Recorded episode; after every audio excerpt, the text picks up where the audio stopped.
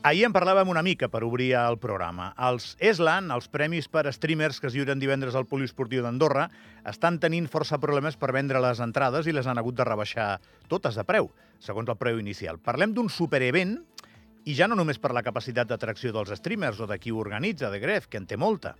És un event enorme, potser dels més grans que mai s'han fet al país per tot el que comporta a banda del propi lliurament de premis. Però li costarà fer el play, igual l'acaba fent, però li costarà. Potser és el preu inicial de les entrades, potser és que acaben divendres, tot és possible. Del tot aquí a Andorra no, no ho saps mai.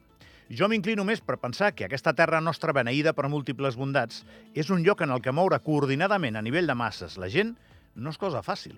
Als anys 80 me'n recordo que vam fer un concert aquí de Julio Iglesias, que allà on anava omplia estadis de futbol, 30, 40.000 persones, era una barbaritat. Una vegada va omplir el Camp Nou, amb 100.000 persones, tothom boig amb en Julio Iglesias. Doncs aquí van acabar regalant entrades a l'estadi comunal perquè si l'artista veia moltes clapes, deia el seu representant, no començava a cantar. Era, era així, el Julio Iglesias. Bueno, és així, Julio Iglesias. I lo sabes. Fa ben poc vaig tenir el gust i el privilegi de veure en acció la Ludwig Band a la Massana, canviant de registre completament, que a tot arreu on va, mínim posa 500 persones i omple pavellons. A Catalunya està super de moda. I vaig anar a les fontetes a la Massana, que n'hi caben 200, i érem 100.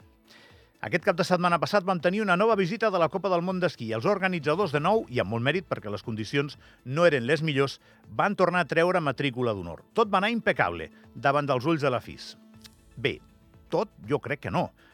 Tenint en compte que molts espectadors venien de fora, va haver poc públic, molt poc públic d'Andorra.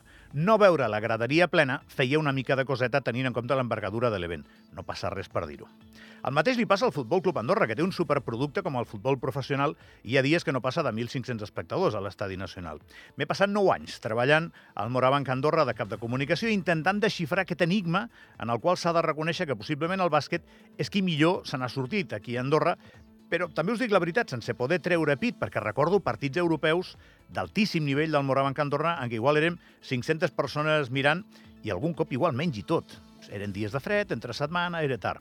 Ahir, per exemple, estava veient per la tele un documental dels anells que ha guanyat Pau Gasol i sortia Sasha Bujasic, un campió de l'NBA. Doncs aquí, el dia que va venir a jugar, jo crec que estàvem en família.